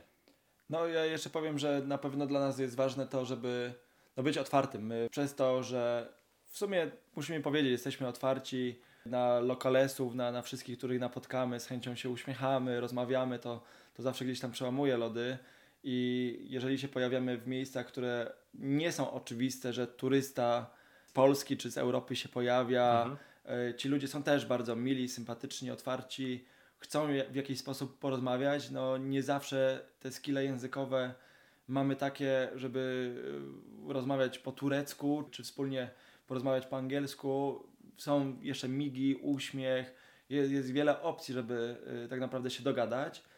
Im bardziej dzikie miejsce, im mniej tam było turystów, im mniej ludzi, tym ludzie się okazują lokalni, dużo są bardziej serdeczni, chcą pomagać. Mieliśmy takie przykłady na przykład w Albanii, gdzie przepaliła nam się żarówka, robiło się już ciemno w samochodzie, y, znaczy ciemno za, za oknem i, i stwierdziliśmy, że jak jedziemy po górach, no powinniśmy mieć dość dobrą widoczność, więc się zatrzymaliśmy przy małej stacji benzynowej, przy której była kawiarnia, gdzie No to e, takie było, lokalesi, było centrum wioski, czy tam Tak. miasteczka. mały bar, gdzie lokalesi grali w szachy i pili e, czarną albańską kawę, która no myślę, że najbardziej stawia na nogi na, w Europie. Okej. No i przy naszym samochodzie, jak zaczęliśmy pytać na stacji benzynowej o żarówkę, oni powiedzieli, że nie mają, ale obok jest gdzieś warsztat. Nagle okrzyki, znalazł się właściciel warsztatu, znalazła się używana żarówka. No i co dalej? No ja jej nie wymieniłem, bo wymieniało ją 15 gości, Mhm. którzy wyszli z tego baru i każdy chciał pomóc. Jasne. Przy okazji naprawili nie tylko żarówkę, ale i lampę i jeszcze coś chcieli naprawić. Okej. No więc... Yy, Skończyło się dobrze. Skończyło się świetnie. Dziewczyny, które siedziały w samochodzie, miały przeogromne oczy, dlaczego przy naszej masce jest 15, 15 gości i, i robi coś przy silniku Mhm. czy przy lampach. No ale po 20 minutach pojechaliśmy dalej, każdy uśmiechnięty, klepał nas po plecach, życzył szerokiej drogi, pytał gdzie jedziemy, co robimy, dlaczego tu w ogóle jesteśmy. No uważam, że, że takie wspomnienia gdzieś nas y, budują i, i chcemy mieć zawsze podczas podróży ten kontakt z lokalesami, y, też gdzieś tam się y, nie boimy, nie boimy zagadać, nie boimy spytać o drogę, bo to jest dość ważne. My, my często jako ludzie współcześni, którzy są przyzwyczajeni do wiecie, telefonów, aplikacji, Google Mapsów i tak dalej, polegamy sami na sobie, tym bardziej jak komunikacja miejska weszła w Google Mapsa i można z punktu A do punktu B po prostu przejechać i nikogo nie pytać. Mhm. Warto czasem schować ten telefon do kieszeni i powiedzieć, "N- dobra, spytajmy lokalesów, co zwiedzić, gdzie iść, albo co zrobić, albo gdzie zjeść nawet, bo każdy po prostu ma, ma swoją historię, chce cię zaciągnąć gdzieś, pokazać i wtedy naprawdę odkry- odkrywamy te, te miejsca naprawdę realnie, a nie według tego, co, co nam Google mówi. Tym prawda? bardziej, że czasami ta, te, tej technologii nie ma albo jest ograniczona, no i wtedy, wtedy faktycznie trzeba zapytać kogoś, kogo się Dokładnie, spotyka. a, a, a tym bardziej wiecie, no jak, no jak nie ma tam setek turystów, no to tych setek opinii także ma na, na temat tych miejsc, które tam są. A lokalni naprawdę wiedzą, kto ma najlepszy chleb, Mhm. kto ma najlepsze jedzenie i on z reguły cię nie okłamie. Jeżeli jesteś obcy tutaj, on chce tobie pokazać swoją miejscowość czy, czy swój region od najlepszej strony, absolutnie. To jest, znowu, znowu się powtórzę, ale to znowu jest fajne w waszych, e, w waszych podróżach, że z racji tego, że nie do końca są oczywiste, ale dzięki temu są wyjątkowe i faktycznie bardzo miło się słucha o waszych wspomnieniach, których tak naprawdę mamy tylko pigułkę, bo pewnie gdybyśmy chcieli rozmawiać o każdej z waszych podróży, o każdych wspomnieniach, to trochę jeszcze byśmy e, posiedzieli i porozmawiali. Natomiast troszkę już zmierzając ku, ku końcowi nas, naszej bardzo, bardzo przemiłej e, rozmowy, to chciałbym was zapytać o, i teraz znowu, pytanie do was tak naprawdę, czy powiecie o indywidualnych sposobach, czy znowu gdzieś wpleciemy e, kwestię jakichś e, wspólnych sposobów. Chciałem zapytać o sprawdzony, czy wypróbowany sposób na odpoczynek, na, na relaks. Co, co to jest w waszym przypadku? Myślę, że tutaj się różnimy troszkę. Ale dam Mai jako pierwszej się wypowiedzieć. No z mojej strony jest to w sumie kilka rzeczy, bo z jednej strony mnie w ogóle moja głowa odpoczywa, a jednocześnie też zbiera myśli pod prysznicem i to jest miejsce, jak ja na przykład muszę coś przemyśleć ważnego, to, to wiem, że po prostu idę pod prysznic, ale z drugiej strony jak wiem, że muszę się zresetować, bo miałam ciężki dzień, to pod prysznicem po prostu zawsze ten, ten reset uda mi się uzyskać. Y, Z drugiej strony, no ja mam też tak, że każdy nasz wyjazd, nawet jak nie wiem, wyjeżdżamy na weekend, to, to jest taką, takim odpoczynkiem dla, dla mojej głowy, ale nawet bardzo często proponuję Kubie, żebyśmy poszli na jakiś spacer, nie wiem, pół godziny wokół centrum, żeby, żeby sobie pogadać o naszym dniu, żeby, żeby gdzieś tam nasza głowa może trochę odpoczęła, także, także w sumie, w sumie tych, tych sposobów jest, jest wiele, zależy od y, sytuacji. Nawet w sumie teraz, jak byliśmy ostatnio na, na naszym y, urlopie i pojechaliśmy kamperem e, do Włoch przez Austrię, no to moja głowa totalnie odpoczęła, naprawdę była mega odcięta od, od wszystkiego i myślę, że to chyba, chyba tego typu wyjazdy są dla mnie najlepszym odpoczynkiem. No ja z kolei no muszę odpoczywać aktywnie, że tak Mhm. powiem. Ja jestem po prostu wiecznie w ruchu, wiecznie coś nowego musi się dziać i no tam, gdzie myślę Maja się stresuje, to ja odpoczywam, czyli wysoko w górach. Najlepiej tam, gdzie nie ma ludzi, gdzie tak naprawdę nie ma szlaków. Albo są szlaki, a po prostu ludzi na nich nie ma. I, Mhm. i wtedy obserwując, skupiając się na, tym, na tej naturze, na tym wszystkim, co, co mnie otacza, na, na tych widokach, to, to mój mózg gdzieś tam łapie reset i nie myślę o niczym innym. Wystarczy, że to jest, nie wiem, chłodne powietrze, podmuch wiatru, na tym się skupiam, prawda? I, i to mnie resetuje.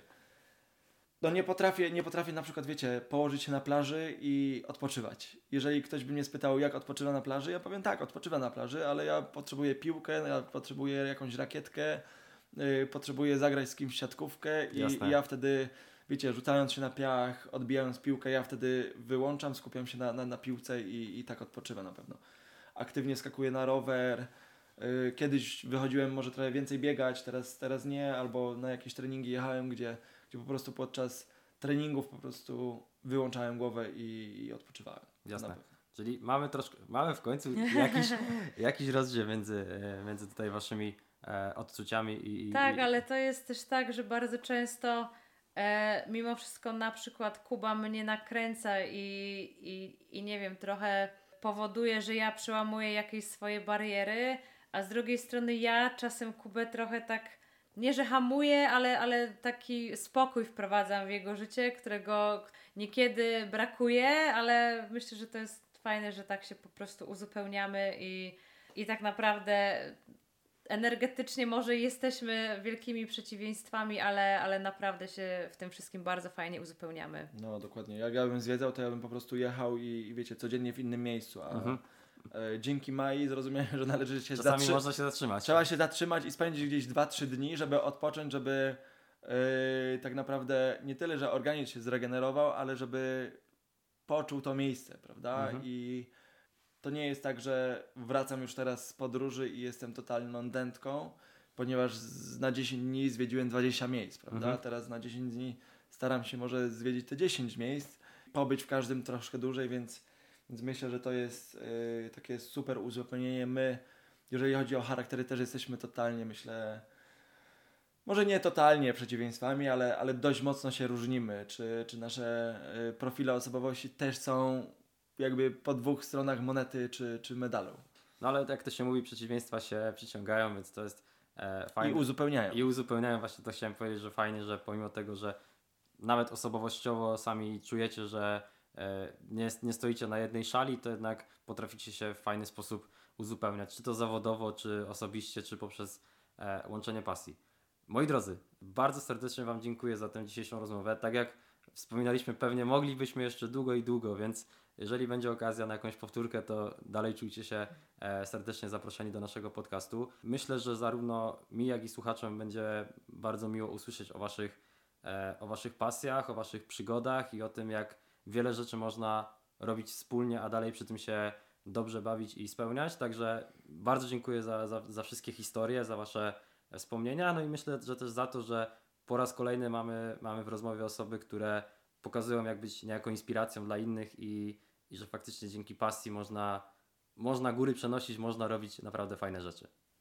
Dziękujemy serdecznie za, za zaproszenie. Na pewno było nam przemiło, przesympatycznie i mam nadzieję, że, że pokazaliśmy z Majką, że mimo, że nie jesteśmy podróżnikami, którzy zarabiają tak naprawdę na, na tej pasji, którą mamy największą, no to, że to życie codzienne i, i praca codzienna może też być pasją i, i pokazać, że dzięki pasji na co dzień możemy realizować te pasje, które no nie do końca są skeszowane, jak to y, Maja wcześniej mówiła.